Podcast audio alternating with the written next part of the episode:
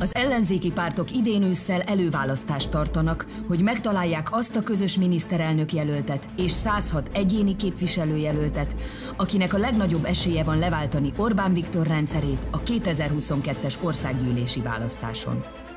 A következő egy órában élőben a Partizánon Budapest 9-es számú választókerületének jelöltjei mutatják be, milyen lenne szerintük hazánk a Fidesz legyőzését követően, hogyan képzelik el a magyar társadalom jövőjét, és milyen megoldásaik vannak a választókerület legsúlyosabb problémáira. A vita résztvevői Arató Gergely, a DK jelöltje, Burány Sándor, az MSP és a párbeszéd jelöltje, valamint Parócai Anikó, a Momentum mozgalom jelöltje. A helyszínen már itt van a vita moderátora, Gulyás Márton.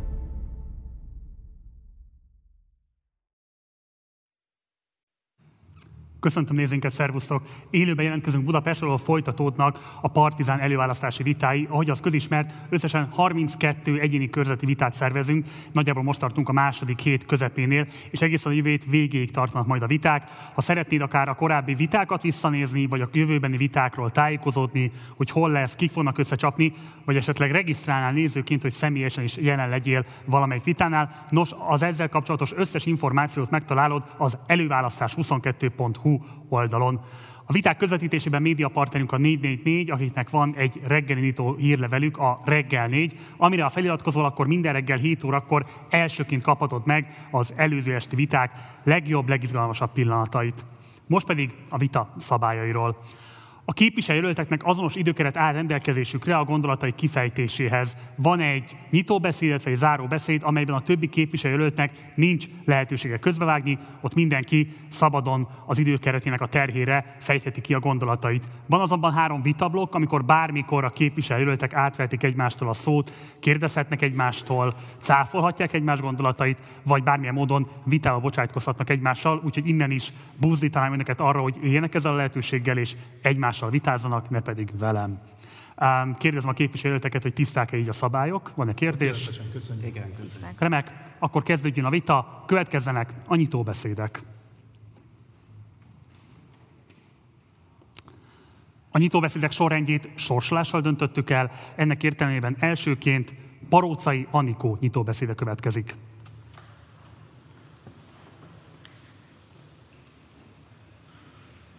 Paróca Janikó vagyok, 28 éves közgazdász. Ha Magyarország egy normális demokrácia lenne, akkor valószínűleg én most nem állnék itt. De sajnos az a helyzet, hogy ez az ország már régóta nem egy stabil, jól működő demokrácia. És azért vagyok most itt, hogy ezen változtassunk. Szamosszegről egy kicsi szabolcsi faluból jutottam el egyetemre, Folytassam.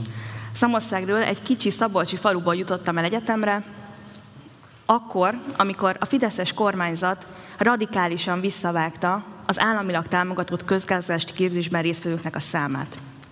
És akkor, amikor szüleim megélhetését veszélyeztette a gazdasági világválság.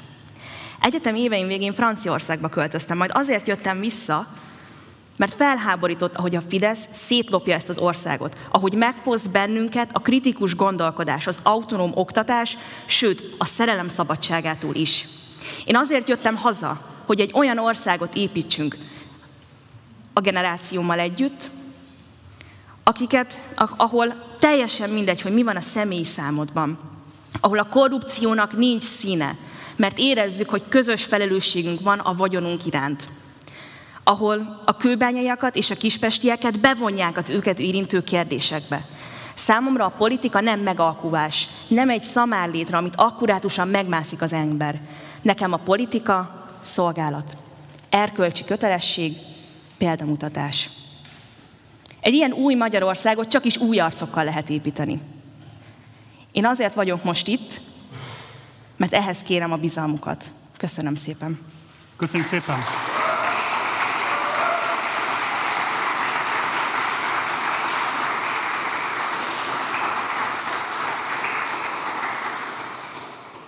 Burány Sándor nyitóbeszéde következik.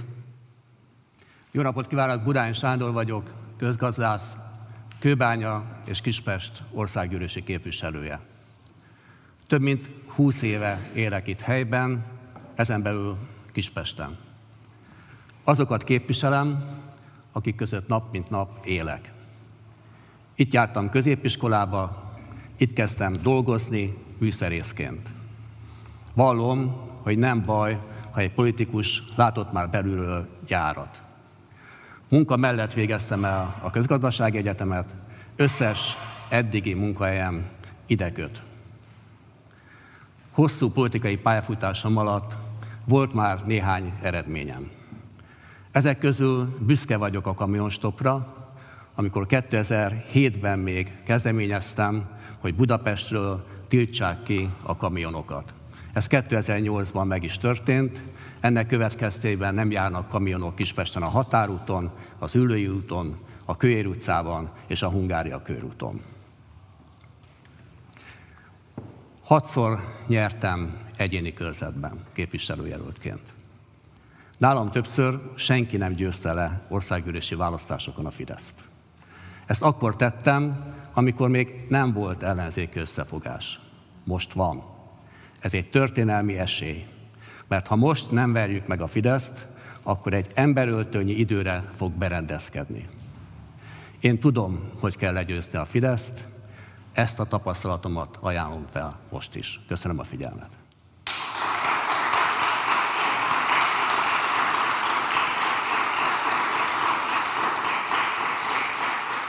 Köszönjük szépen. Arató Gergely nyitó beszéde következik. Köszönöm szépen. Szerintem az a legfontosabb kérdés, amire most itt a vitának ebben a szakaszában válaszolni kell, hogy miért vállaltam a jelöltséget, miért indulok el a képviselőségért. Ha nagyon röviden kell elmondanom, akkor azért, mert Kőbánya és Kispest a szívem csücske. Kezdő pedagógusként, kezdő tanárként itt kezdtem el tanítani egy gimnáziumban, az Ünyi Miklós gimnáziumban, és meg kell vallanom, hogy ma is az egyik legjobb élmény számomra az, hogyha Kőbányán vagy a Kispesten az utcán találkozom egy volt tanítványommal, vagy, a szülő, vagy valamelyikük szülőjével, és rám köszön, vagy hogyha a Facebookon rám írnak. Aztán itt alapítottam családot egy panelház második emeletén, és itt, ide született a fiam, aki most már érettségizett, ez sem ma volt.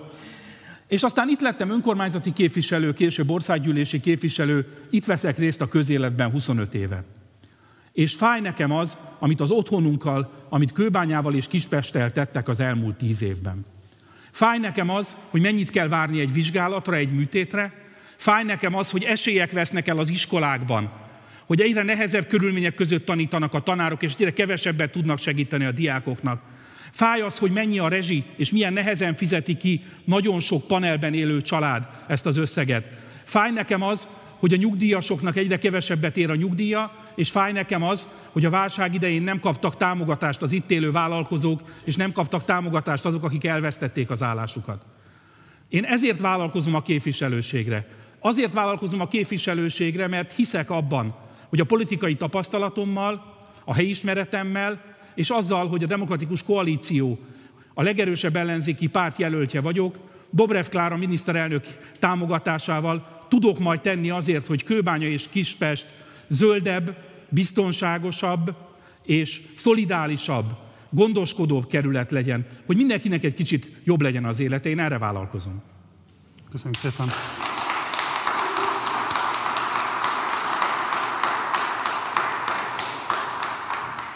Köszönjük szépen, ezek voltak a nyitóbeszédek, következik az első vitablokk. Az első vitablok, vitablok címe a Panelháza kutya 21. században. A megszólás sorrendjét itt is sorsolással döntöttük el. Ennek alapján elsőként Burány képviselőjelölt úrnál lesz a megszólás lehetősége, de bármelyik képviselőjelölt átveti tőle a szót, sőt kérem is, hogy válaszolják meg, meg ezt a kérdést. A kérdés még alapvetően így szól, mindhárman problematizálták az elmúlt időszakban a körzet egyik legjelentősebb lakatási formáját, a panelházak kérdését. Kérem, hogy nagyon konkrét három olyan intézkedést nevezzenek meg a felszólásukban, amelyet, ha önök lesznek a körzet képviselője 2020 2022 után mindenképpen szorgalmaznának ezen házak korszerűsítése, fűtési rendszerének javítása érdekében, és akkor elsőként Burány képviselő turnál a szó. Köszönöm szépen. Abban a helyzetben vagyok, hogy én még dolgozhattam a panelprogramban 2010 előtt. Az akkori panelprogram miatt tudott néhány sorház megújulni Kispesten és Kőbányán. Óriási fájdalom, hogy Orbán Viktor és kormány ennek a panelprogramnak véget vetett. Pedig ez az egyik és talán legfontosabb út. A panel program keretében a háza külső szigetelését, beleértve a nyilázárók cseréjét meg kell oldani. Meg kell oldani környezetvédelmi szempontokból, hogy minél kevesebb üzemanyaggal, gázzal, bármivel, távfővel kelljen ezeket a házakat fűteni, és meg kell oldani azért, hogy a benne lakóknak a rezsiköltség minél kisebb legyen. De ez csak az egyik dolog. Meg kell oldani az összes panelházban a belső szabályozás lehetőségét, hogy mindenki maga dönthesse el, hogy milyen számláért cserében, eh, milyen mennyi fűtési energiát használ fel. Ez nem mindenhol van még megoldva. És hogyha a panelokról beszélünk, akkor ne felejtsük el, hogy kik laknak benne. Mert ami egyik oldalról külső szigetelés, a másik oldalról megélhetési költség, sőt lakhatási válság. Ne felejtsük el, hogy a panelben élőknek, például azok, akik albérletben laknak panelben, a fizetésük sok esetben nem telik még az albérleti díj kifizetésére sem. Konkrét példákat tudnék mondani, hogy önkormányzatnál dolgozó, gyermekét egyedül nevelő anyukának egyszerűen elvinné a teljes jövedelmét egy ilyen albérleti díj, ha ma ilyen módon az önkormányzat nem segítené. De ugyanígy beszélhetnék a nyugdíjasokról is, akik nagyon alacsony nyugdíj mellett kell, hogy ezeket a költségeket, rezsiköltségeket és az élet egyéb költségeit megspórolják. Nagyon nehéz helyzetben vagyunk, vannak, Elsősorban a külső panelprogram folytatása mellett arra is koncentrálnunk kell, hogy a panelben lakók, az alacsony jövedelműek jövedelmel lehetővé tegye a lakhatást, és az alacsony nyugdíjjal rendelkezők nyugdíja lehetővé tegye a lakhatást. Köszönöm szépen. Arató képviselőt úr. Biztos nem az lesz az a kérdés, amiben heves vita lesz köztünk képviselőjelölt társaimmal, hiszen eh, ahogy 2010 előtt Burány képviselő úrral együtt dolgoztunk a panelprogramon is együtt népszerűsítők a panelprogramot, ő Kispesten, én Kőbányán. Ugyanúgy biztos vagyok benne, hogy ebben is egyet fogunk érteni. Én ugyanazt tapasztalom, amiről ő is beszél. Oda jönnek hozzám Kispesten a piacon, és elmeséli egy kedves idős hölgy, hogyha minden rezsiszámláját kifizeti, akkor 52 ezer forintot fizet havonta. Egy kétszobás lakásért, amiben egyébként most már egyedül él sajnos, mert elhunyt a férje és ezt egy 70 ezer forintos nyugdíjból kellene kifizetnie. Ez nyilvánvalóan egy abszurditás. Itt valóban az a helyzet, hogy az energiaszegénység, a, és ez nem csak a költséget érinti, hozzáteszem, tegyük még hozzá a közös költséget is, ami persze átvitt, vagy átvitt módon szintén egyfajta rezsiköltség. Ha ezeket mindegybe számoljuk, akkor rendkívül magas lakhatási költségek jönnek ki, és valóban a megoldás a panelprogram. De azért még egy dolgot érdemes ehhez hozzátenni, ami talán a 2010 előtti panelprogramnak is hiányossága volt. Azt mesélik nekem a gyakorló utcában, hogy azért nem tudtak korábban sem pályázni jó pár házban, mert hogy ahhoz, hogy a panelprogramban részt vegyenek, ahhoz önrészre van szükség. Márpedig az önrész egy nyugdíjasnak, egy kis fizetésből élő családosnak, az nem egy akkora összeg, amit könnyedén leemel a bankszámlájáról. Magyarán szólva nagyon gyakran nincs meg a társasházakban az a fajta konszenzus, ami ahhoz kell, hogy ezt el lehessen kezdeni. Dobrev Klárával azért mondja azt a demokratikus koalíció, és azért vállalom én, hogy önrész nélküli panelprogramot hozunk létre, Európai Unió és hazai támogatásokból, hogy valóban ez mindenki számára elérhető legyen. És még egy dolgot szeretnék aláhúzni abból, amit képviselő úr is említett. Ez nem kizárólag szociális kérdés, bár persze az is. Ez legalább annyira klímavédelmi kérdés is. Hogyha a lakóépületek szigetelését meg lehetne csinálni, akkor az egész ország energia megtakarítása 16% lenne. Csak a lakóházaknak a felújítás, vagy felújításával és energetikai korszerűsítésével a földgáz fogyasztás egy negyedét lehetne megsporolni. Ez azt jelenti, hogy a széndiokszid kibocsátást is nagyon jelentős módon lehetne csökkenteni. Ha tetszik, ez egy win-win szituáció, és van erre uniós forrás, amit erre lehetne használni, ha a kormány nem az oligarchák között osztogatná szét. Köszönjük szépen. Parócai képviselőtasszony. Nyilván én egyetértek itt képviselő urakkal, azonoknál fogva is, hogy én is panellakásban élek, úgyhogy engem is uh, húsba vágóan érintenek ezek a problémák minden áldott nap. Én azonban fogok mondani számokat is. A panel lakásokat úgy tervezték, hogy van egy élettartamuk. Szakértők szerint ez körülbelül 50 év. A kőbányai és a kispesti panel lakásoknak a, az elsőprő többsége az mostanában érkezik az 50. évébe. Ez nem azt jelenti, hogy ha vagy panellakás eléri az 50 évet, akkor azt le kell dózerolni. Sokkal inkább nagyobb hangsúlyt kell fektetni ennek a felújítására. Úgyhogy én a Momentummal azt javaslom, hogy évente 100 ezer lakásnak az energetikai korszerűsítését vállaljuk, és napelemeket is napelemek telepítését is ösztönözzük. Évente 50 ezer napelemet, ezeket nyugodt szívvel fel lehet tenni a panellakásoknak a tetejére is. Nyilván a rezsiköltségeken kívül sok minden más is érinti a panellakásban élőket. Egy, egy másik vetülete a problémáinknak az a társasházi törvénynek a, a felülvizsgálata kell, hogy legyen. Nem csak a társasházi, de a lakásszövetkezeti törvényeket is sokkal szigorúbbá kell tenni. Ezen dolgoznak egyébként a jogászaink, és még egy példát mondanék, a környezetvédelmi dimenzióját a panellakásban élőknek. Itt elhangzott már, hogy nem feltétlenül optimálisak energetikailag ezek, a, ezek az épületek. Na most, hogyha erre mi még rásegítünk államként vagy önkormányzatként, akkor sokkal, robb, sokkal rosszabb helyzetbe hozzuk a panelban élőket. Nagyon jó ellenpélda most erre, Kőbányen az, ami az IHÁZ közben történik. Az önkormányzat a lakók tiltakozása ellenére épít egy utat, miközben tudjuk, hogy a zöld felület pusztítással meg fog nőni a, az átlaghőmérséklet, és nyaranta még elviselhetetlenebb lesz a, a panelekben élőknek a, a mindennapja. Úgyhogy én azt mondom, hogy 2021-ben a klímaválság kellős közepén az, az felháborító, hogy a zöld területeket betonnal öntjük le. Köszönöm szépen.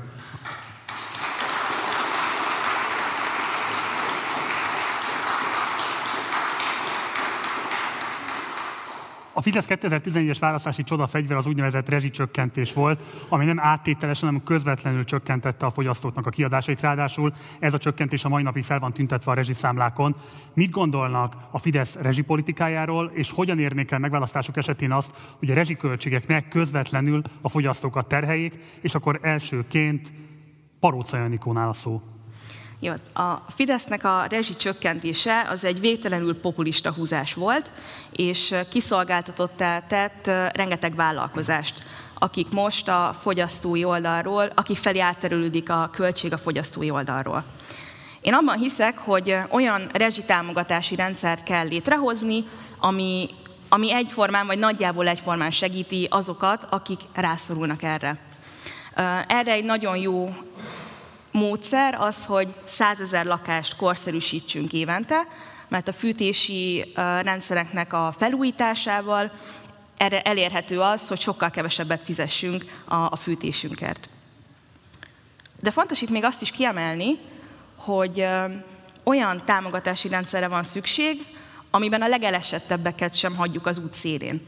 A Fidesz jelenlegi rezsipolitikájával az is egy hatalmas probléma, hogy nem ér el azokhoz, akiknek a leginkább szükségük lenne ezekre. Mert közülük rengetegen fával, ne adj Isten, szeméttel tüzelnek minden nap. Úgyhogy szerintem 2022 után a következő kormánynak egy sokkal igazságosabb rezsitámogatási rendszert kell kialakítania. Köszönöm, Burán Sándor.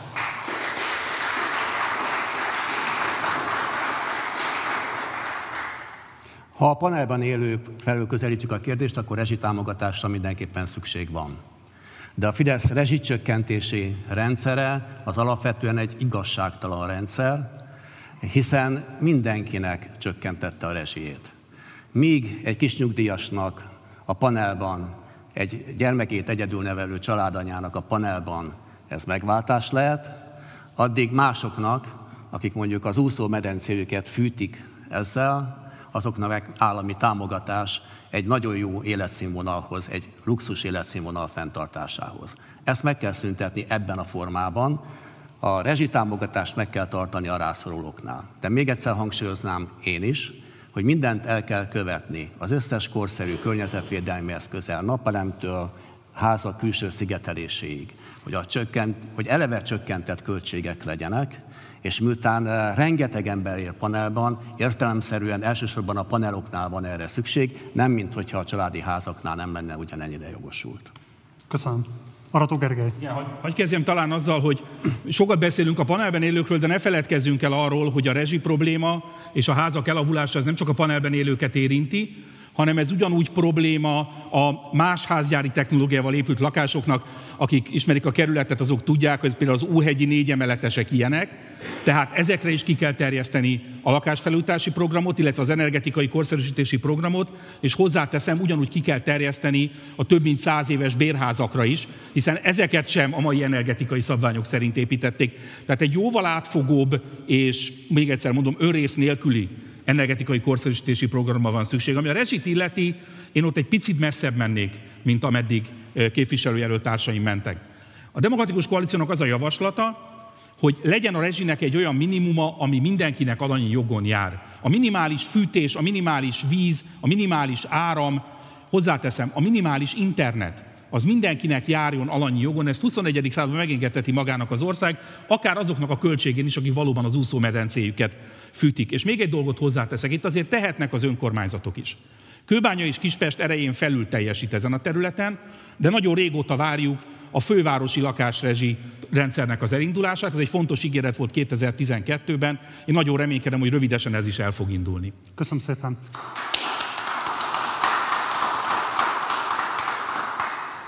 A nosztalgikus nézetek szerint a panel lakónegyedek alkalmasak voltak arra is, hogy a közösségi együttélésnek megkülönböztetett terei legyenek. Már azért leginkább az atomizált együttélésnek a szimbólumaként gondolnak sokan a panel, a panel lakásokra, a panel negyedekre. Megválasztások esetén milyen kezdeményezésekkel tudnák azt segíteni, hogy kifejezetten a társas közösségi együttélésnek is sokkal több tere legyen a panel negyedekben, hogy olyan szolgáltatások is elérhetőek legyenek, amelyek nem kényszerítik arra az ott lakókat, hogy kizárólag csak az éjszakai ottalvásra használják a lakóhelyüket, közösségeket, hanem ténylegesen alkalmas legyen arra is, hogy revitalizálja ezeket a közösségeket. Lehet -e egyáltalán egyéni országgyűlési képviselőként tenni ezért bármit is, és akkor elsőként a szó Burán Sándornál van.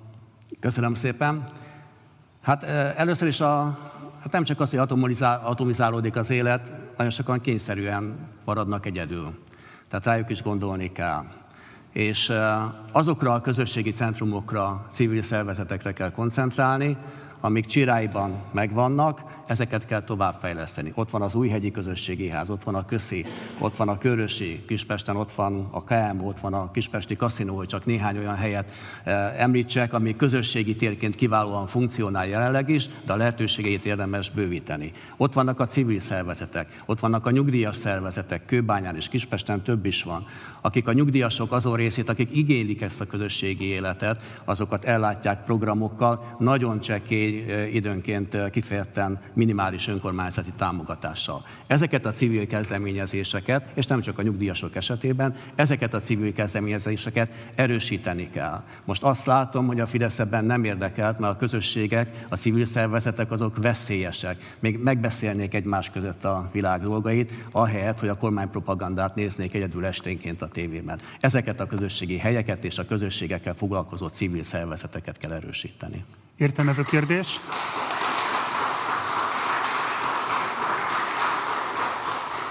Biztosítaná kifejezetten központi erőforrásokat, közpénzforrásokat arra, hogy ezek a közösségek programot szervezhessenek, infrastruktúrát alakíthassanak ki, és ha igen, nagyjából milyen nagyságrendet gondol országosan ehhez megfelelő mértékűnek? Nehéz egy országos számot mondani, de hát az önkormányzatok így is támogatják ezeket a közösségi házakat, művelődési központokat és a civil szervezeteket is. Az önkormányzati forrás viszont erre kevés. Ezt bővíteni kell, hogy egyrészt ezeknek a közösségi helyeknek, művelődési házaknak legyen pénze olyan programokra, amikre bejutnak drága jegy nélkül az ott élők, és a civil szervezeteket is támogatni kell sokkal nagyobb mértékben, mint most. Összeget nem tudok mondani, de van olyan civil szervezet Kőbányán vagy Kispesten, amelyik évi 150-200 ezer forintból kell, hogy gazdálkodjon és civil programokat, közösségi programokat szervezzen. Sokkal többre van szükség. Köszönöm szépen.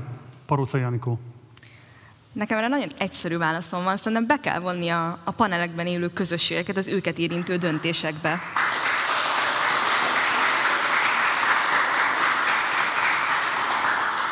Kispesten az Rényi utcánál történt kettő éve az, az eset, ami egészen 2021-ig túlnyúlt. 2019-ben még az önkormányzatoknál volt az építési hatóságoknak a feladata, és ekkor az önkormányzat weboldalára kifüggesztésre került egy, egy véleményezési kérdés, kérvény.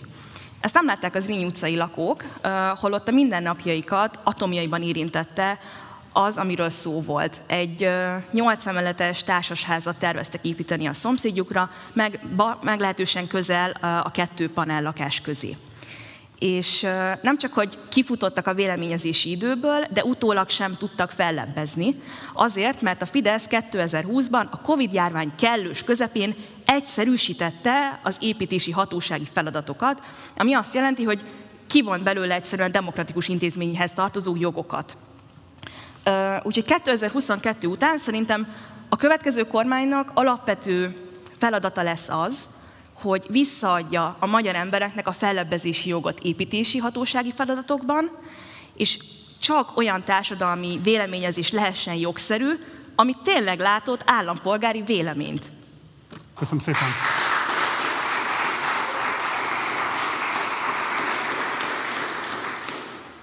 Köszönöm szépen, ismét könnyű helyzetet teremtettek jelöltársaim, mert sok mindenről beszéltek, ami fontos. Igen, a civil szervezetek fontosak, igen, a közművelési intézmények fontosak, és még azt sem mondjuk, hogy nincsen erre forrás, mert osztanak erre állami forrást a Nemzeti Civil Alapból, csak éppen látjuk, hogy hát bizonyos határozott és megalapozott feltételezések szerint ennek egy jelentős része az nem valódi civil szervezetekhez kerül, hanem olyanokhoz, amik nagyon világosan be vannak kötve a különböző fideszes körökhöz, így történt ez Kőbányán és Kispesten is.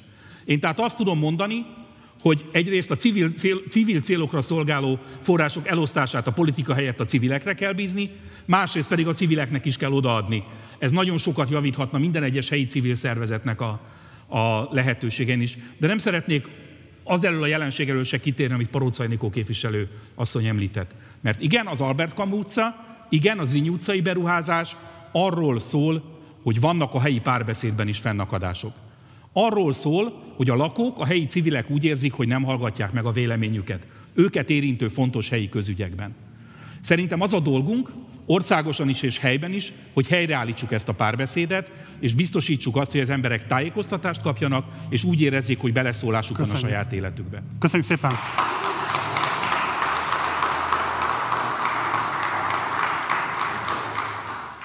Paróca Janikónak maradt még 17 másodperce, kérdezem a képviselőt asszonyt, hogy kíván élni az időkeretével.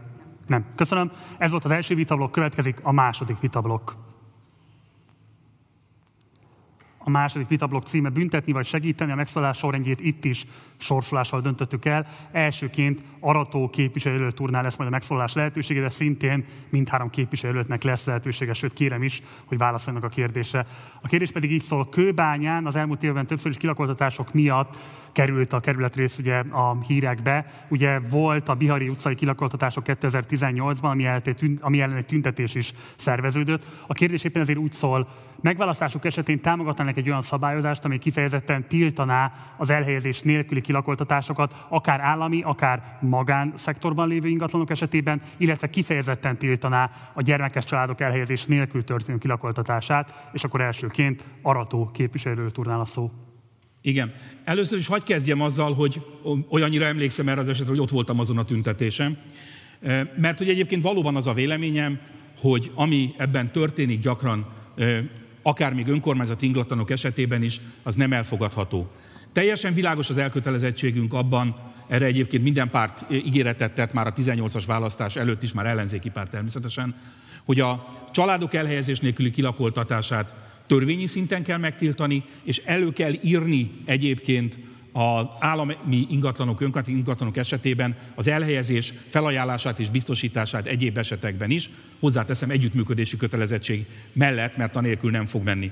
Ugyanakkor muszáj vagyok azért azt is elmondani, hogy a lakhatási probléma nem csak erről szól, nem csak a kilakoltatásokról, az arról is szól, hogy ma összesen kis, kőbányán, bocsánat, 2000 önkormányzati bérlakás van, és 158 várakozó álma sorba. Arról is szól, hogy ma Kőbányán annyira nincs pénze az önkormányzatnak, mert elvették a forrásait arra, hogy rendbe tartsa ezeket a lakásokat, vagy hogy beruházzon, hogy azt a évi 6-7 lakást, amit meghirdetnek, az 5-6 millió forintos felújítási kötelezettséggel hirdetik meg, és így is 20-30 szoros túljelentkezés van ezekkel a lakásokra. Bérlakásépítési program, bérlakás felújítási program nélkül nem lehet megoldani ezeket a problémákat, és hozzáteszek, az nélkül sem lehet megoldani, hogy segítenénk azokon, akik ma nehéz helyzetben vannak. Csak Kispestnek ma 26 milliárd forint kintlevősége van bérletekből, rezsiből, cégekhez és magánszemélyek felé. Ez nem egy fenntartható állapot. Köszönöm szépen. Paracol képviselőt asszony.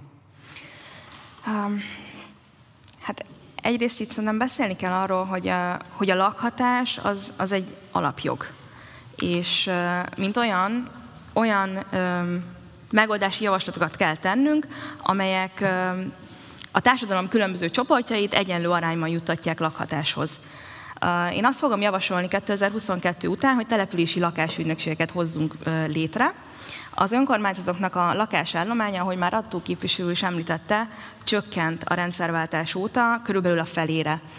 Ezeket az ingatlanokat újra kell vásárolni, és a települési lakásügynökségeken keresztül, amiket az államnak az önkormányzattal kell létrehoznia és működtetnie, ezeken keresztül olyan rétegeknek kell lakhatást nyújtania, kedvezményesen, akiknek egyébként nehezebb lakhatáshoz jutnia. Értem ez, ez alatt például a fiatalabbakat, vagy a szociálisan hátrányosabb helyzetben lévőket.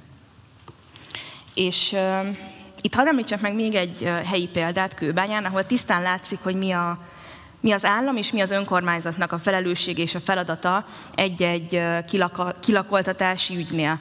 A, az Albertisai úton lévő loviház, az egy volt állami vállalati bérlakásoknak az összessége, és egyben került elárverezésre az egész épület lakosostól, mindenestől. És most a lakók közül nagyon sokan nem tudják kifizetni a megemelt bérleti díjat.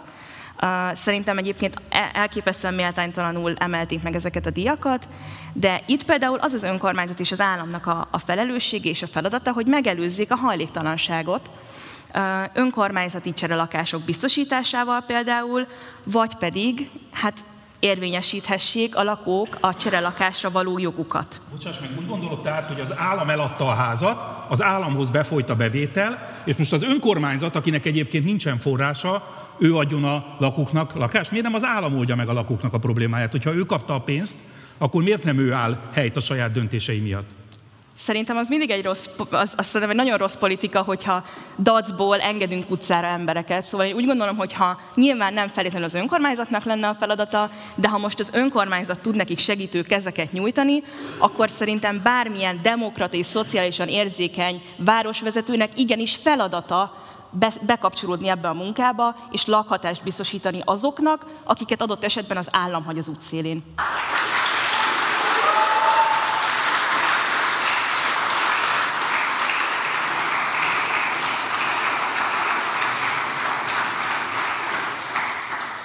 Murán Sándor. Köszönöm. Akkor már ketten voltunk ott azon az ominózus tüntetésen. Én nem csak a tüntetésen voltam ott, hanem utána fogadórán beszéltem egyrészt a város mindenki és csoport képviselőivel, másrészt a Bihari utcai lakók egy részével. És nem csak beszéltem velük, hanem megpróbáltam a problémájukat orvosolni. Hiszen ne felejtsük el, hogy a Hős utcára is, arról majd mindjárt beszélek, a Bihari utcára is, mint egy bűnbarlangként tekintenek, még önkormányzati tisztségviselők is, miközben nem szabad egy kalap alá venni a lakókat. Vannak ott olyan emberek is, akik az égvilágon semmi bűnt nem követek el, de a szociális helyzetük miatt akarják őket kilakoltatni. És hogy röviden válaszoljak a kérdésre, senkit nem szabad úgy kilakoltatni, hogy ne biztosítsanak neki valamilyen lakhatási lehetőséget.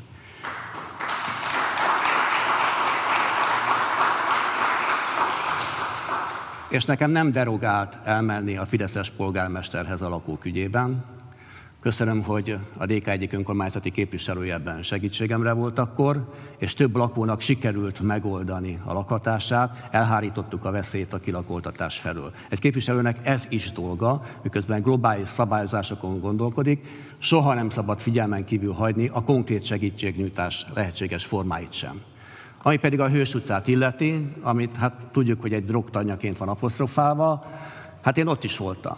Ott is meghívtak, elmentem egy Hős utcai lakásba, ott is beszéltem azzal a civil szervezettel, aki az ottani gyerekeket próbálja egy jó életre nevelni és kiragadni abból a környezetből, amiben vannak, és hát azokkal a lakókkal is beszéltem, akik részint tulajdonosok, részint bérlők, nagyon sokféle módon laknak ott emberek, és igazságtalanul vannak megbélyegezve, és igazságtalanul kerültek abba a helyzetbe, hogy nem tudják piaci alapon eladni a lakásukat, mert semmilyen értéke nincs, viszont az önkormányzat még gettóba is akarta zárni őket egy betonfallal.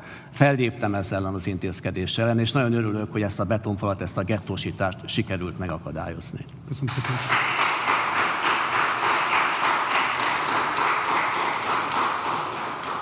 A mondhatom, jó? A hős, a hős utcával kapcsolatban nekem is hasonlóak, hát hasonlóak az élményeim. Én nem olyan régen voltam ott, akkor, akkor épp egy hölgyel beszélgettem, és ő azt hozta fel, hát problémaként, vagy ami az ő története, hogy ő ugye Kőbányán született, ízig-vérig budapesti, ide köti a családja, ide köti a munkája. És Hős utcai lakóként egyébként mérhetetlenül kevés pénzt ajánlottak fel az ő ingatlanjáért. Annyira keveset, hogy abból nem tudna Budapesten máshova költözni. És megkérdezte tőlem, hogy most neki ezért miért kellene elmenni Nyírbátorba vagy Nógrádba laknia. És én nem tudtam neki mit mondani, mert teljesen igaza van. Miért kellene neki, csak azért, mert a Hős utcai problémát jelenleg a kormány az vagyongazdálkodási kérdésként kezeli, elköltöznie Szabolcsba, ami, ahova őt semmi nem köti. A kőbányai önkormányzat egyébként kapott a helyzetnek a rendezésére 2,1 milliárd forintot, és ha jól tudom, akkor ezzel nem olyan régen el is számoltak. De még mindig van 57 olyan albetétes a Hűs utcában, akiknek nem rendezett a lakhatása. Hogyha ez 2022-ig egy kormányváltásig nem oldódik meg, akkor én vállalom azt, hogy a belügyminisztériumhoz fogom kérni a Hős utcai lakások rendezésének a problematikáját és a kérdéskörét, és a helyi civilekkel közösen megnyugtató választ fogunk adni a Hős utcában ott maradt lakóknak a problémájára.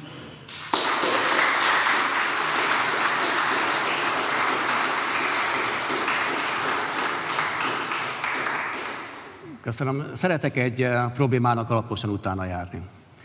És mielőtt ez az egész Hős utcai, Bihari utcai probléma nagyon eszkalálódott volna, szociológusok rendeztek egy komoly vitát a Pongrác úti lakótelep egyik közösségi épületében.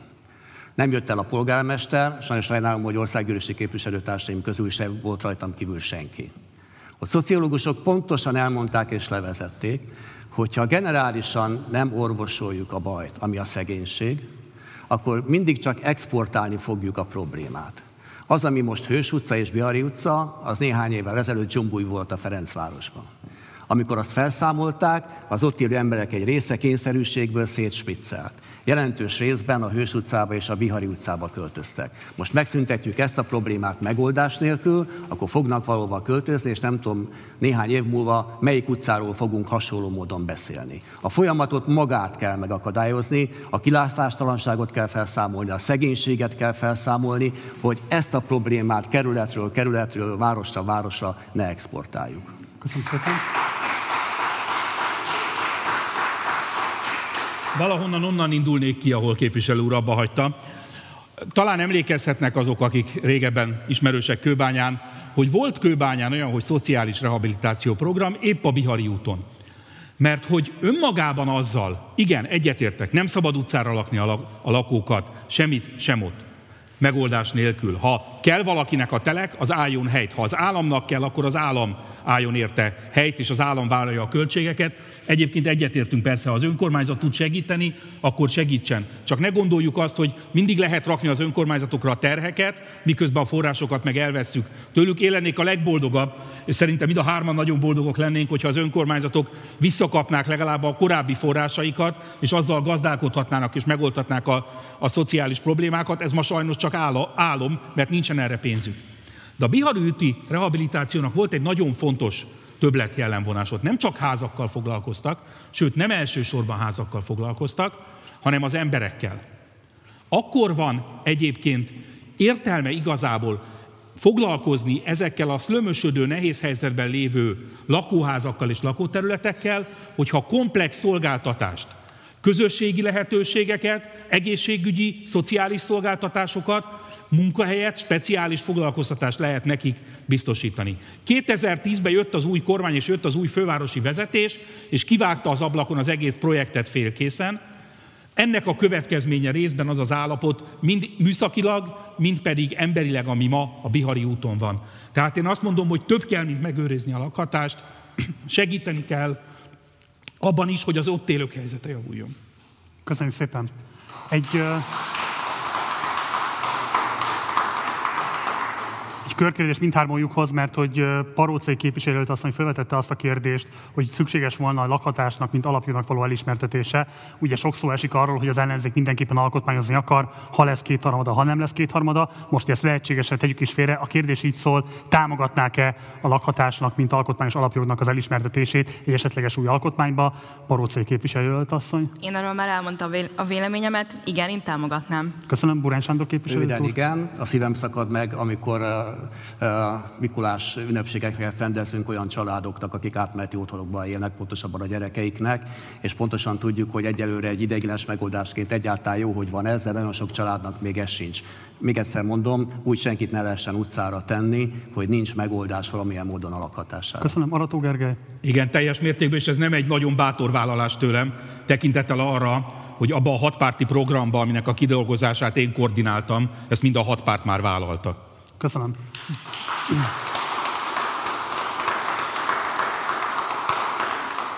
A hátralévő időben beszélünk egy másik kérdéskörről, ami szintén élesen érinti a választókerület egyes részeit, ez pedig a designer drogoknak a problémája.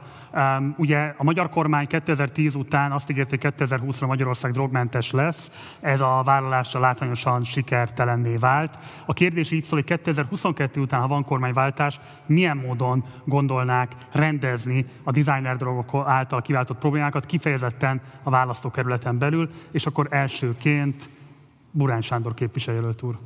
Köszönöm. Hát először is végre a fővárosban megalakult egy drogprevenciós tanács.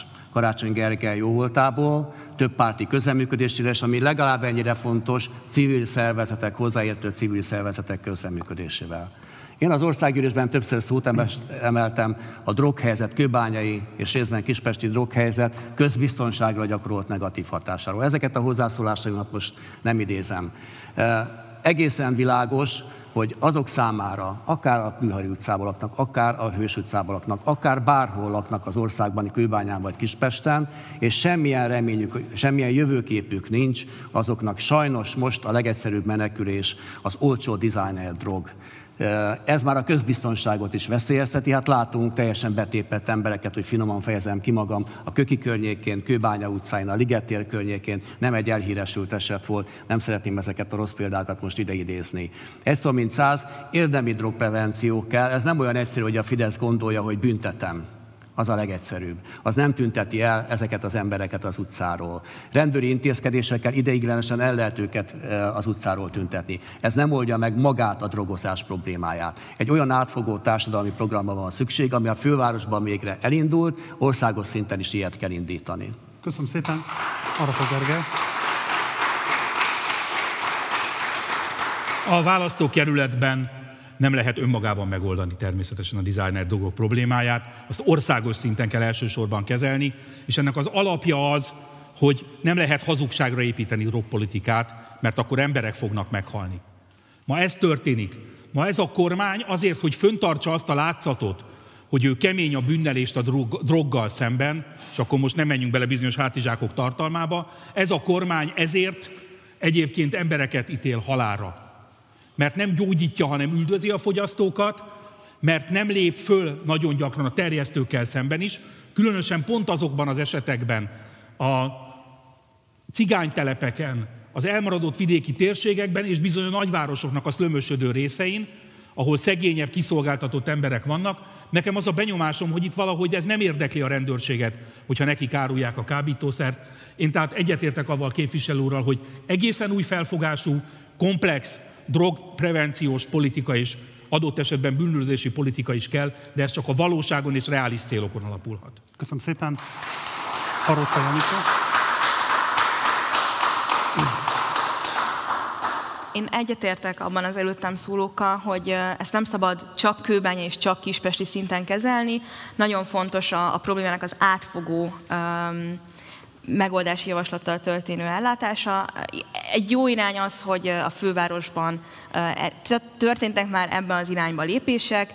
Az egy még jobb irány lenne, hogyha ha országos szinten tudnánk kezelni megnyugtatóan a, a drogfogyasztásnak a problematikáját. Amiben én nem értek egyet, az az, hogy, hogy a Fidesz jelenleg rendészeti eszközökkel próbálja meg orvosolni a, a drog problémát. Ez annál szerintem egy sokkal komplexebb kérdés, mint hogy ezt pusztán a rendőröknek a megnövelt jelenlétével meg tudnánk oldani. És szerintem nekünk, szociálisan szolidáris ellenzéki politikusokként ez nem is feladatunk. Én azt gondolom ezért, hogy, hogy meg kell erősítenünk az, azokat az intézményeket, ahol drogprevencióval foglalkoznak, mert ezeket is rendszeresen leépítette a Fidesz, tűcsere programokat kell létrehozni, és, és bővíteni kell a szociális hálót. Köszönöm szépen!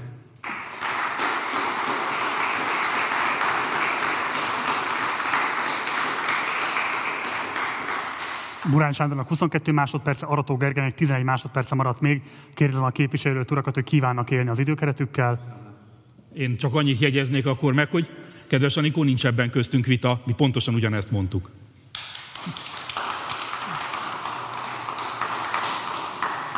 Köszönjük szépen, ez volt a második vitablok, következik a harmadik és egyben utolsó vitablok.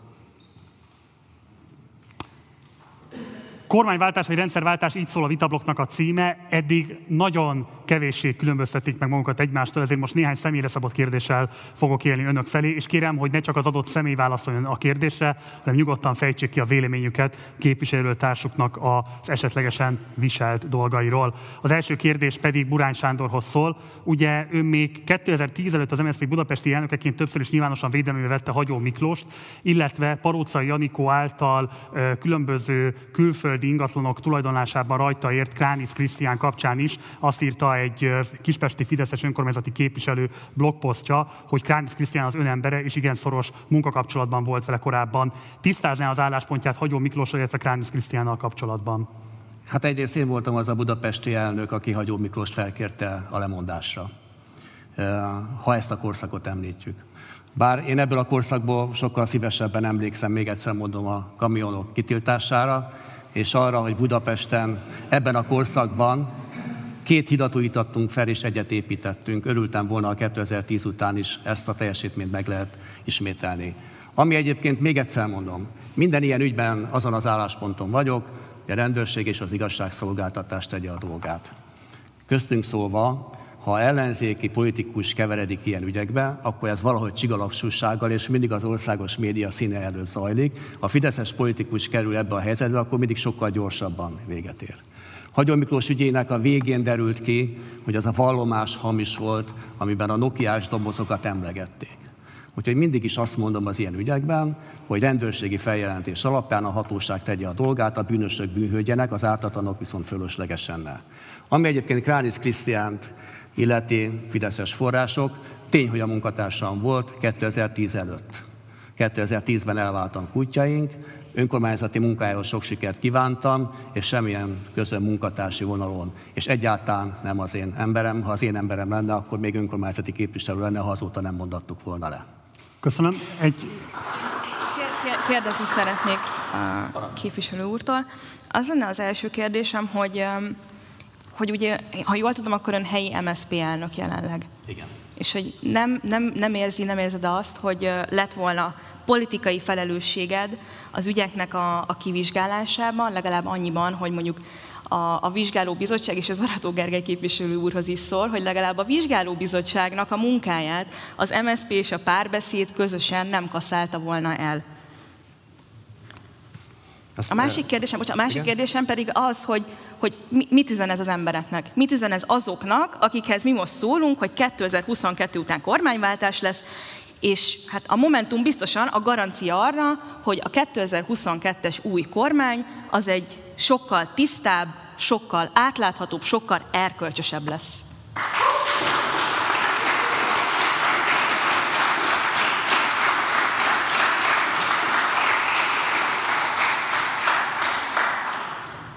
A kérdésre válaszolva röviden, ha az illető úr most politikus lenne, akkor lenne ebben dolgom és felelősségem, egy önkormányzati alkalmazott, aki egyébként a korábbi pozícióját elvesztette, ha úgy tetszik, lefokozták. Szerintem egyébként teljes joggal. És még egyszer mondom, de szerintem most a legjobb helyen vagy arra, ahhoz, hogy ezt a dolgot kivizsgálj. Önkormányzati képviselő vagy Kispesten. Járja a végére. Fejezd be ezt a munkát.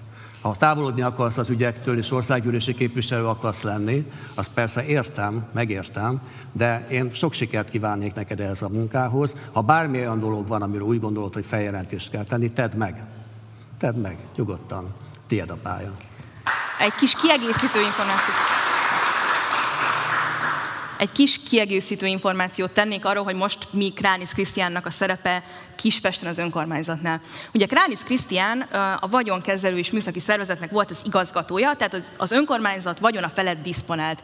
Jelenleg lett egy cégátalakítás, ez a feladatkör most a gazdasági ellátószervezet alatt van, és valóban Kránis Krisztián jelenleg igazgató helyettes, de ugyanúgy az önkormányzati vagyon felett diszponál. Na most, hogyha valaki, valakivel kapcsolatban olyan vádak merültek fel, vagy hát bocsánat, ez nem is vált, hanem nem tudott elszámolni a vagyonával Kránis Krisztián tulajdonképpen, mert hogy a spanyol villáját kihagyta a 2019-es vagyonnyilatkozatából. Kérdezem én, hogy ilyen emberekre akarjuk-e rábízni az önkormányzat vagyonát, teljesen függetlenül attól, hogy mi éppen a titulus, ami mögötte van. És itt ismét megkérdezném azt, sőt, ezt is kiegészítő információként tenném, hogy ugye volt arra lehetőség, hogy kivizsgáljuk ezeket az ügyeket. Ferenc István LMP-s képviselőtársammal közösen alakítottunk egy antikorrupciós tényfeltáró bizottságot, amit a Covid miatt nem hosszabbított meg, nem támogatta ezt a, sem az MSZP helyi képviselete, sem pedig a Demokratikus Koalíciónak a helyi képviselete sem.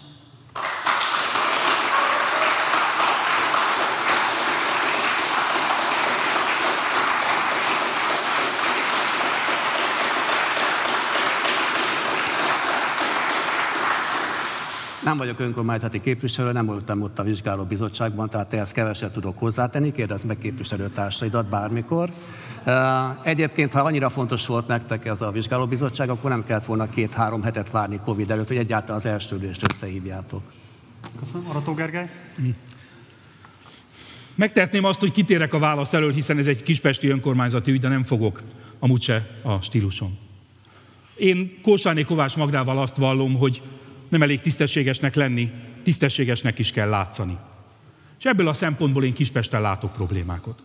Látok feladatokat. Nem vagyok részes az önkormányzati munkának, nem ismerem a tényeket. Anikó, ha te tudsz olyan tényeket, amiket a közvélemény még nem, azokat hoz nyilvánosságra. De az biztos, hogy ezeket az ügyeket tisztázni kell. Mert a kispesti emberek és a szélesebb közvélemény elvárja azt, hogy tisztálláson abban, hogy volt-e vagyonvesztés a kispesti önkormányzatnál, voltak-e gyanús ügyek, mi történt ott. Én tehát arra biztatlak mindannyiótokat, akik ebben részt vesztek ebben a munkában, hogy üljetek le, nem biztos, hogy a sajtóban kell üzengetni, az kampányfogásnak jó, de nem biztos, hogy kiderül belőle az igazság. Üljetek le, dolgozzatok együtt, én erre fogom biztatni teljesen a kerületi dékásokat is, és keressétek meg a válaszokat a kérdésekre, mert azt mindannyian tudni tudjuk, mindannyian tudni szeretnénk. Nekem országgyűlési képviselőként, és aztán majd reményem szerint képviselőként az lesz a dolgom, hogy ezt segítsem, erre készen állok, és erre szállalkozom. Ha már... Tehetek, tehetek egy tisztázó kérdés? Jó. Köszönöm szépen. Szóval volt egy, még, még nem tudom, talán egy másfél éve volt egy olyan előterjesztésem, ami pontosan erről szólt. Arról szólt, hogy hogy vizsgálja ki harmadik független szerv, könyvvizsgáló cég, számviteli cég, akármi, azokat a folyamatokat és gyakorlatokat, amik, amik a kispesti önkormányzatnál és az önkormányzati cégeknél vannak és megvalósulnak. És én azt gondoltam, hogy hát mindenkinek az az érdeke, hogy, hogy történjenek vizsgálatok, hiszen ha valaki, valakinek nincs rejtegetni valója, akkor neki az az érdeke, hogy ezt bebizonyítsák róla. Ha valakinek pedig van, hát azt el kell számoltatni, nem akar egy következmények nélküli országban élni, de hogy én akkor arra szeretném megkérni itt képviselőjelöltársaimat, képviselőtársaimat, hogy támogassanak abban, hogyha szeptember 30-án ismét napirendre fogjuk venni a Kispesti közgyűlésen ezt a kivizsgálási határozatot, akkor, akkor ez kerüljön elfogadásra. Én ebben támogatlak, szóval azért nem tudok róla, a képviselőtársaidat azért meg kell majd győzni róla. De ebbe kérném a segítségüket, hogy segítsenek meggyőzni, hiszen ez önöknek is érdeke. Semmi akadály a részemről. Így van. Így van, elmondtam erről a véleményemben örömmel. Én magam részéről támogatok mindenfajta épeszű józan vizsgálatot, ami a tények feltárásához vezet. Köszönöm szépen. És ha már a 2010-es évek előkerült, akkor kicsit hadd menjek még korábbra, és fordulok Arató Gergelyhez. Régi ügy, tudom, de fontosan tartanám mégis, hogy egy részletkérdése válaszoljon. Ugye önnek egy ideig volt közös irodája Cuslág Jánossal, illetve volt egy olyan szervezetnek is a vezetője, amit Cuslág talált ki, és sokan kamuszervezetnek tartották. Ön a bíróságon azt vallotta, hogy ez valós szakmai munkát végzett. Ez volt ugye a fiatal Városért Egyesület. Megtenni azt, mert nem találtunk erre vonatkozóan nyilatkozatot öntől, hogy pontosan mit ért el ez az egyesület. Hm. Ugye, ugye a cuslágügyről beszélünk, mondom azoknak, akik nem járatosak ebben a, ebben a kérdésben. Ez egy, ez egy fiatalokat tömörítő egyesület volt, rendezvényeket, szabadidős eh, programokat szervezett. Egyébként kb. egy évig voltam az alakítása után az elnök ennek a szervezetnek. Cuslágügyben én tanú voltam, mindent elmondtam, amiről volt információm, arról is, hogy például azt az irodát nem használtam, amit ön itt emlegetett, de hogy őszintén szólva ez valóban egy régi ügy. Nézze, a cuslágügyben igazán mindent elkövetett az ügyészség, hogy találjon politikai szálakat, higgye el, hogyha lettek volna hozzám vezető szálak, azokat megtalálták volna. Egy pontosítást engedjen még meg. Ahhoz az időszakhoz képest, amikor a cuslágügy kipattant, mostanra a baloldal meg tudott-e szabadulni azoktól a politikai terhektől, amiket például Cuslág János személye is jelentett, ki tudja jelenteni, hogy jelenleg az ön legjobb tudomása szerint a saját pártjában és annak környékén nincsen Cuslág Jánoshoz hasonló közpénztolvaj. Azt nagyon határozottan ki tudom jelenteni, hogy ha bármikor, bárhol ennek a gyanúja is felvetül, akkor azt ki fogjuk vizsgálni, és akiről ez bebizonyosodik, annak nincs helye sem a demokratikus koalícióba, hozzáteszem, általában az ellenzéki pártok között sem, szerintem ezt mindannyiunk nevében mondhatom. És a közéletben is. Úgy, úgy. De hát a, ezt ugye a Fidesz merében nem belek vállalni, ott majd nekünk lesz dolgunk azzal, hogy a Fideszes tolvajokat eltávolítsuk. Köszönöm szépen. Parocai Nikolsz fordulok. Ugye az önök miniszterelnök jelöltje a felcsúti perrel robbantotta be a saját kampányát. Ha lesz felcsúti per, Kránic Krisztián szeretné látni a vádlottak padján? Szerintem a felcsúti pár az pont arról szól, hogy elszámoltatjuk azokat, akik vagy így, vagy úgy, de megdizsmálták a közvagyont. Kránisz Krisztiánt ide sorolja? Én azt gondolom, hogy Kránisz Krisztiánnak van politikai felelőssége, és szerintem igen, Kránisz Krisztián ellen vannak jelenleg folyamatban lévő eljárások. Ezek az eljárások um, hamarosan a végéhez közelednek. De azt gondolom, hogy Kránisz Krisztián hibázott. Tehát lehet vádlottja a felcsúti pernek? Lehet. Köszönöm. Egy másik kérdés, mit sikerült igazából elérnie Kispesten átláthatósági biztosként? Ezt kérdezem azért is, mert nyilvánvalóan egy rendkívül kevéssé kooperatív ügyészségi környezetben kellett végezni a munkáját, és nagyon kevés vádemelés követte a különböző följelentéseit. Mi fog változni kormányváltás esetében? Milyen garanciát tud adni a választópolgároknak arra nézve, hogy ezek az ügyek vagy más ügyek nem fognak elakadni a nyomozói szakaszban? Szerintem a, Momentum a garancia erre. A Momentumos képviselők, most képviselő jelöltek a garanciák arra, hogy, hogy egy igazán tiszta közéletet fogunk teremteni 2022 után. És szerintem ez is az előválasztásnak az igazi tétje, hogy lesz-e lehetőség ennek az új, tiszta és ambiciózus generációnak megvalósítani azt a programot, amit mi letettünk az asztalra. Köszönöm szépen!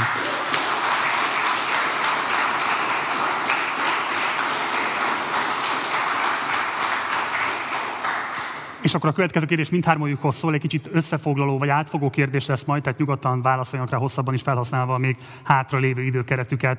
Ugye a 2010 utáni e, nemzeti burzsóázia építés következtében egy olyan holdudvar jött létre mostanra a Fidesz környékén, amely egész nemzetgazdasági ágazatokat dominál. Nagyon nehéz például mondjuk az építőiparban nem neres érdekeltségbe futni, nagyon nehéz a turizmusban nem neres érdekeltségbe futni, sőt gyakorlatilag most sorolhatnék hosszan ágazatokat, mindenhol meghatározó helyzetben vannak a kormányzathoz köthető vállalkozói körök.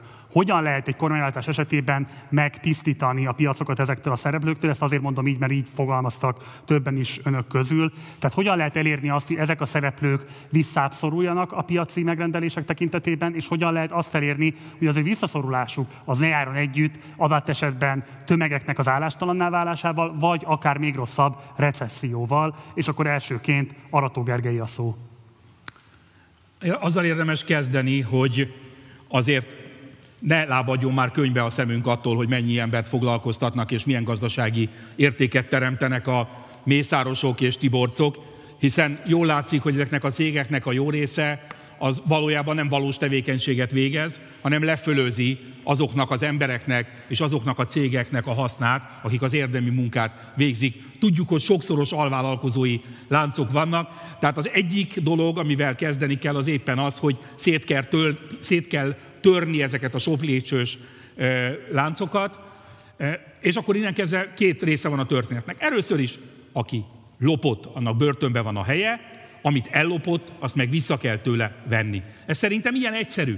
Ki kell vizsgálni minden egyes ügyet, minden egyes pályázatot, minden egyes közbeszerzést, amihez gyanú tapad, és ennek következménye kell, hogy legyen. Igen, fájni fog, igen, sokaknak fájni fog, de ez az alapja annak, hogy egy tisztességes, normális országot lehessen építeni, és el lehessen kezdeni egyébként egy érdemi, valóban munkára, teljesítményre, tudásra alapozott országnak és gazdaságnak a felépítését. Másrészt pedig, másrészt pedig, hogyha kiszedjük egyébként ezeket a élősdiket a gazdaságból, akkor én biztos vagyok benne, hogy a valódi vállalkozások azok sokkal könnyebben jutnak majd levegőhöz és munkához, mint a jelenlegi helyzetben. Nem rosszabb, hanem jobb lesz a helyzetük ettől, és hozzáteszem, a munkavállalóik is fognak találni gyorsan állást maguknak, már azok, akik valódi tevékenységgel foglalkoznak, és nem a lopott vagyon könyvelésével. Egy értelmező kérdést engedje meg, ugye azt mondta, hogy vissza kell venni az ellopott vagyonokat. Kérem, hogy pontosítsa a válaszát. Például mondjuk a Mészáros Lőrinc birodalmához tartozó különböző hotelek esetében államosítanák ezeket, és állami fenntartásba vennék, vagy hogy kell elképzelni ezt a visszavételt? Például a okáért most a Mészáros Lőrinc féle hotelekről beszélünk, akkor ugye ott két kérdés is van. Az egyik kérdés az, hogy hogyan kerültek ezek Mészáros Lőrinc birtokába, amennyiben az történt, mint sok esetben, hogy egyébként valódi létező tulajdonosoktól vették el őket, különböző piaci és piacon kívüli trükkökkel. Ismeritek ezt a, megol, ezt a módszert, hogyha elég sokat termel egy vállalat, megjelenik néhány hónap múlva egy ember, aki tesz egy visszautasíthatatlan vételi ajánlatot. Tehát egyrészt a károsultaknak kell visszajuttatni azt, ami visszajutható, a többit pedig az állam kezébe kell juttatni, és aztán persze az esetek jó részében, ha olyan természetű piaci vagyóról van szó, akkor lehetővé kell tenni, hogy ezzel persze nem ellenérték nélkül a megfelelő érték, ellenérték megfizetése esetén ezt valaki birtokba vegye, ezt a pénzt pedig részben mások kártalanítása, részben pedig állami célokra kell fordítani. Köszönöm szépen, Burán Sándor. Hát ebbi a foglalkoztatást illeti a egyik legrosszabb példája ennek a rendszernek a működésnek, működésének az volt, amikor Mészáros Lőnc a szállodai láncára kapott sok milliárdnyi állami támogatást, majd ugyanazzal a rendülettel elbocsájtott egy csomó alkalmazottat. Így működik az oligarchák foglalkoztatás politikája. Én attól nem tartok, hogyha ezeket az oligárhákat megtörjük, elzárjuk a pénzcsapokat, és ők nem jutnak megrendelésre, akkor ez akár a GDP-t visszavetni, akár a foglalkoztatást. Ezekre a szakemberekre, akik ott dolgoznak most kényszerűségből ezeknél az oligarcháknál, az építőiparban és a szállodaiparban, mindenhol máshol szükség van. Ha valódi versenyhelyzetet teremtünk, akkor jönnek majd újra azok a vállalkozások, akik egy ilyen versenyhelyzetben megállják a helyüket, és vissza fogják venni azokat az alkalmazottakat, akiket el kellett akkor bocsájtani, amikor Mészárosról kezdte utalni a piacot. Köszönöm szépen. Paróca egyetértek a, a végével Bunán Sándor képviselő úrral. Um, én, is, én is úgy gondolom, hogy bár én nem vagyok szakértője a témának, de kiváló jogászaink és közbeszerzési szakembereink vannak, akik azt mondják, hogy már az is hatalmas segítség lesz a piacoknak, hogyha felszabadul a NER nyomása alól. Egy helyi példát hoznék, ami nyilván sokkal kisebb skálában, de ugye nálunk, nálunk a közbeszerzésről, a közétkeztetési közbeszerzésről uh, volt egy nagyobb vita egy másfél évvel ezelőtt. És ott akkor uh, több jogászi szakembert megkérdeztem, hogy uh, hasonló a helyzet, ott is szinte csak NER cégek indulnak a közétkeztetési közbeszerzéseken, és akkor én megkérdeztem, hogy rendben, de mit lehetne tenni ebben a helyzetben? És akkor nekem azt mondták, hogy az egy valós megoldás, hogy szétdaraboljuk a piacot. Hogy nem egy nagy közétkeztetésre keresünk éttermeket vagy beszállítót, hanem több kicsire. Gondolom ezeket skálázni lehet, és, és országosan is működőképesek lehetnek. Köszönöm szépen!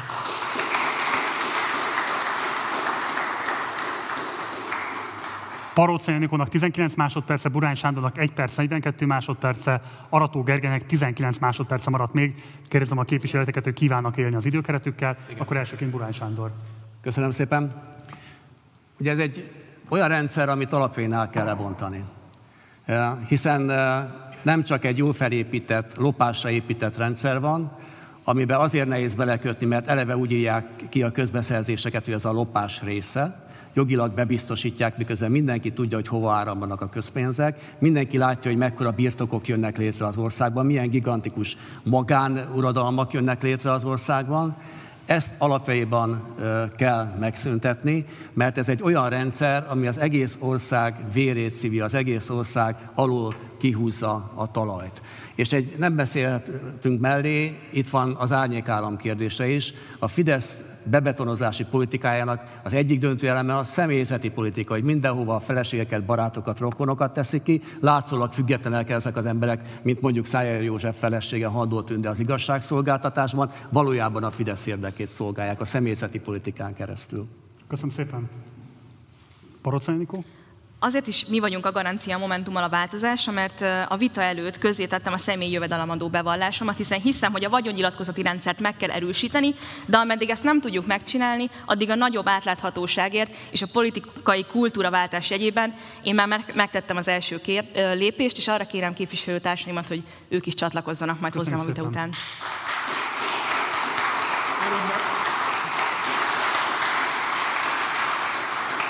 Örömmel pont ugyanaz van benne, mint a vagyonnyilatkozatomban, nem fog meglepetést okozni. E, azt akarom viszont ezzel szemben szóba hozni, hogy szerintem egy dologot fontosan kell érteni. Sokat beszélünk a fideszesek elszámoltatásáról, de ez kevés. Olyan intézményes garanciák kellenek, hogy soha többé ne jöhessen létre olyan világ, ami a közpénzek ellopásán Köszönjük. alapul. Erre Köszönjük szépen. Köszönjük.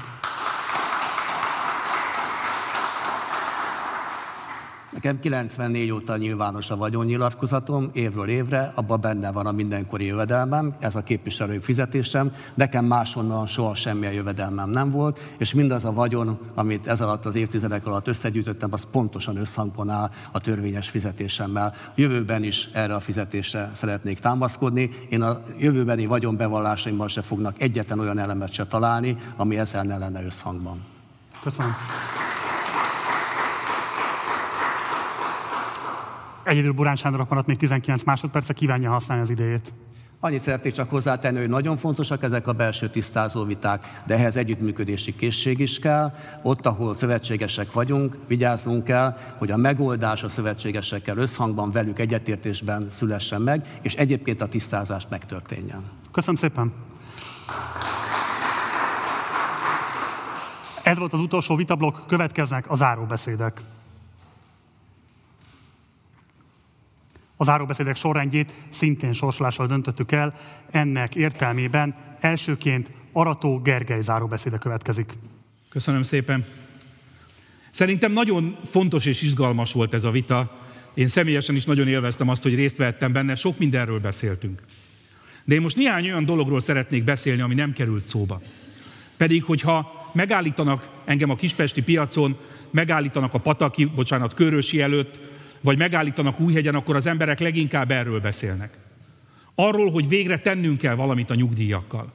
Arról, hogy kárpótolni kell a nyugdíjasokat azért, mert elvették tőlük azt a nyugdíjemelést, ami járt nekik, azzal, hogy megszüntették a svájci indexálást, hogy vissza kell állítani ezt a nyugdíjemelést. Arról beszélnek az emberek, hogy nehezen élnek a családok, mert a családi pótlék 2008 óta nem emelkedett. Ezért meg kell duplázni vagy triplázni a családi pótlékot.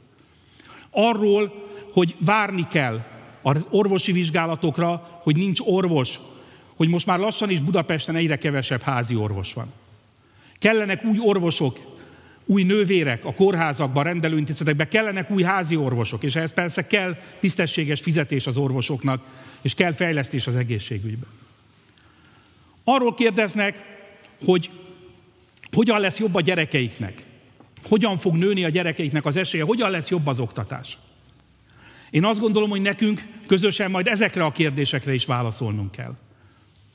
Dobrev Klára és a Demokratikus Koalíció világossá tette, hogy mit vállal ezekben az ügyekben, hogy hogyan akarjuk emelni a nyugdíjakat, hogyan akarjuk bevezetni az európai minimálbért, hogyan akarjuk emelni a családi pótlékot, mit, hogyan tervezzük a panelházak felújítását, és nem csak a panelházak felújítását, hogy hogyan tervezzük az ingyenes rezsiminimumot, hogy hogyan szeretnénk több orvost, több nővért, jobban megfizetett rendőröket és tűzoltókat. Én azt kérem, hogy támogassák ezt a programot, támogassák Dobrev Klárát, és támogassanak engem az országgyűlési választásokon.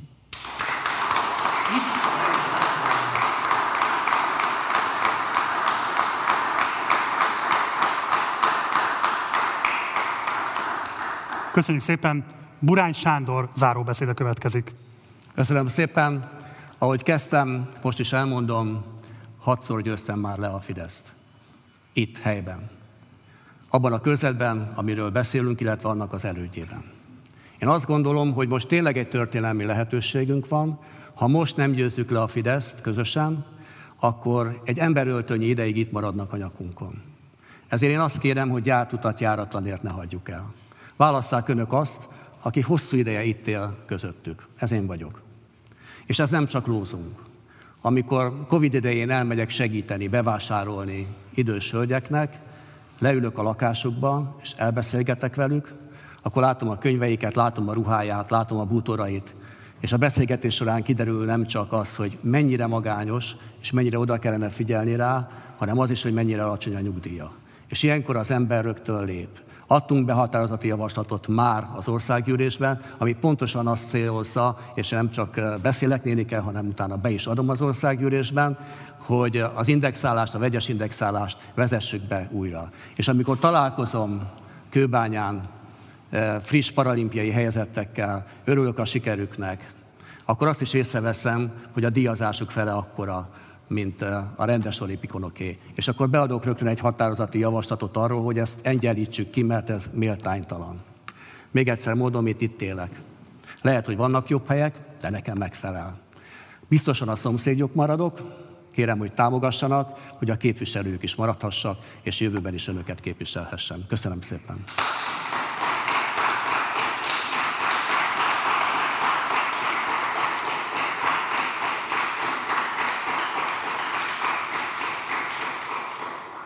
Köszönjük szépen. Parócai Anikó záróbeszéde következik. Rengetegszer hallottam már, hogy új arcok kellenek a politikába. Hogy olyan képviselőkre van szükség, aki figyel, meghallgat, majd azok alapján képvisel. Én őszintén hiszem, hogy egy politikusnak, egy képviselőnek az a dolga, hogy segítsen megvédeni a veszélyben lévő zöld területeket. De az is a dolga, hogy garanciát nyújtson arra, hogy bevonja a lakóközösségeket minden őket érintő döntésekbe. Egy képviselőnek az is a dolga, hogy felszólaljon, amikor úgy gondolja, hogy veszélybe van a közös vagyonunk. Olyan új arcokra van szükség a magyar politikába, akik azért dolgoznak, hogy a korrupciónak ne legyen színe. Hogy bevonjuk a magyarokat az őket érintő döntésekbe. Nem úgy, ahogy ez az Ihász köznél vagy az Rínyi utcánál történt ahol a zöld réteg helyett sokkal inkább az iparterületekbe ösztönözzük az ingatlan fejlesztéseket. És ahol nem nézünk félre, amikor a pártársaink lopnak. Egy ilyen új Magyarország egy karnyújtásnyira van tőlünk. Az előválasztás igazi tétje az az, hogy lesz-e lehetőségünk 2022 után megvalósítani ezt a víziót. Mert csak a Momentummal van korszakváltás, és nélkülünk nincs kormányváltás. Én ezért állok most itt, ehhez kérem a felhatalmazásukat. Köszönöm.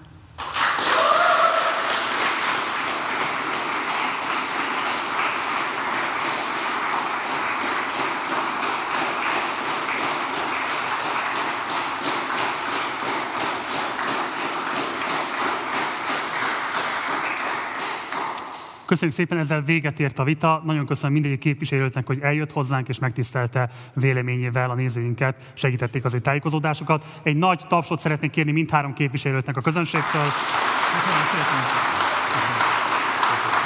Köszönöm szépen. Köszönöm szépen. Köszönöm szépen.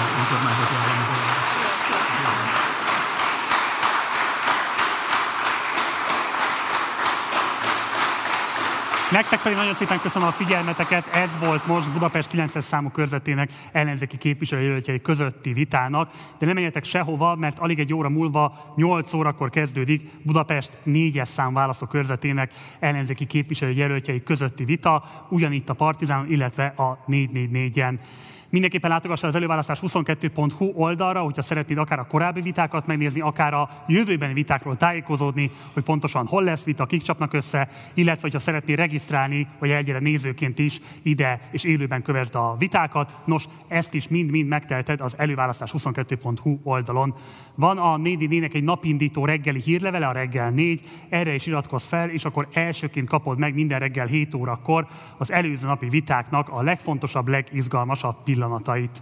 Munkatársai nőven köszönöm szépen a figyelmet, alig egy óra múlva jövünk vissza 8 órakor, addig is, ciao.